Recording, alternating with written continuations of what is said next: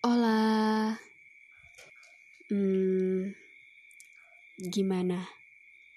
Malam-malam tanpa chatting atau sebuah dering yang tujuannya cuma buat ngobrol, sharing hal-hal biasa, hal-hal kecil yang ternyata bisa sangat melegakan.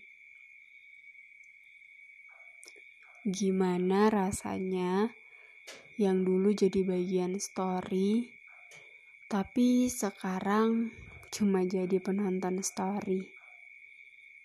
Atau mungkin lebih parah lagi, yang bahkan gak bisa tahu kabarnya sama sekali.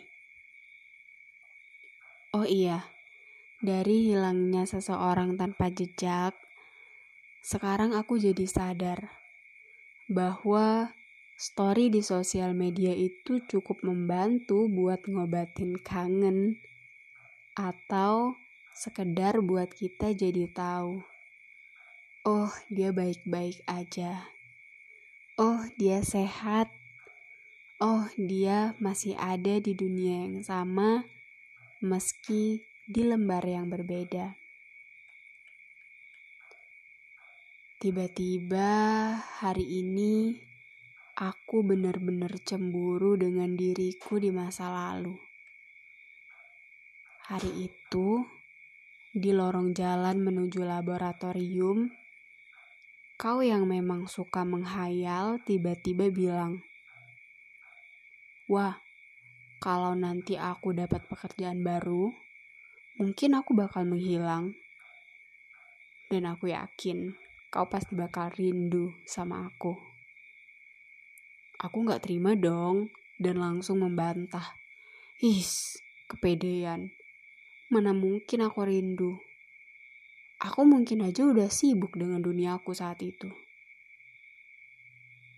Kuperhatikan ekspresimu berubah.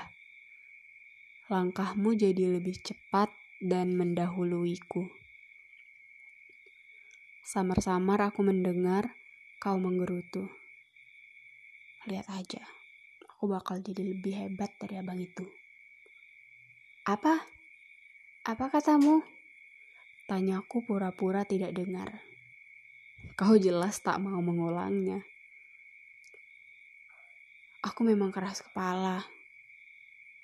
Padahal hari itu hatiku pengen bilang, please, sejauh apa pun jarak, jangan pernah menghilang. Tapi entah kenapa lidahku gak bisa diajak kerja sama. Dia lebih memihak pada ego dan gengsi. Sekarang jadi menyesal sendiri.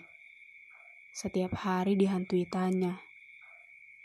Gimana ceritanya ya kalau hari itu aku bilang yang sejujurnya? Ya, hari ini Aku benar-benar cemburu pada diriku di masa lalu. Saking semburunya, aku bahkan sampai beli parfum dengan aroma yang sama seperti yang kau usap di jaketku malam itu. Malam itu, saat keberangkatanku keluar kota bersama seluruh anggota divisiku, kau sengaja meluangkan waktu untuk mengantarku. Padahal, sepertinya siang tadi kau bilang sangat lelah. Aku bahkan sudah hampir berangkat di antar teman kos. Kau tiba-tiba datang dan mengundang riuh suara teman-temanku menggoda. Sebelum bus datang, kau masih diam menungguku. Kau benar-benar ingin memastikan aku duduk di bangku bus dengan aman. Aku nggak apa-apa kok nunggu di sini sama yang lain. Balik aja juga nggak apa-apa sih, biar bisa istirahat. Kataku. Aku juga lupa nunggu di sini. Balasmu. Kemudian kau menyemprotkan sesuatu ke tanganmu dan meraih lenganku yang diselimuti jaket, lalu menggosokkannya di situ. Ih, kok pegang-pegang? Kataku yang memang tidak pernah ingin disentuh barang seinci pun. Kan gak sentuh kulit, jawabmu ngenyel. Aku otomatis cemberut, lalu mencium lengan jaketku yang sudah beraroma parfum yang sering kau pakai. Enak kan? Kau tersenyum bangga. Itu biar kamu bisa ingat aku terus. Jadi, jangan dicuci ya. Lanjutmu. Di, aku mengerit dahi mendengar perkataanmu. Kemudian bus datang, dan kau dengan sigap mengangkat barang-barangku memasuki bus. Aku sedikit malu waktu itu dan mencoba mencegahmu. Tapi apa daya, kau tak bisa dilarang. Semua mata temanku tertuju padamu. Jelas saja, itu pertama kalinya bagi mereka melihat aku bersama seorang pria. Apalagi dengan perhatian seperti itu. Wah, Bang, pacarnya Hawa ya, kata salah seorang dari mereka. Aku panik, terlebih saat melihat kau yang tak membantah sama sekali, bahkan tersenyum dengan mata menyipit di antara masker hitam yang kau kenakan. Enggak kok, tangkisku. Tapi sayang, semua tak ada yang percaya. Sebelum bus berangkat, kau menyerahkan sebuah bingkisan, lalu turun begitu saja. Aku yang melihat isi bingkisan itu langsung beranjak dari duduk, melihatmu dari pintu dan mengatakan, Makasih ya. Kau hanya menjawab dengan lambaian tangan. Bingkisan berisi snack kesukaan, madu, dan minyak kayu putih. Aku terharu.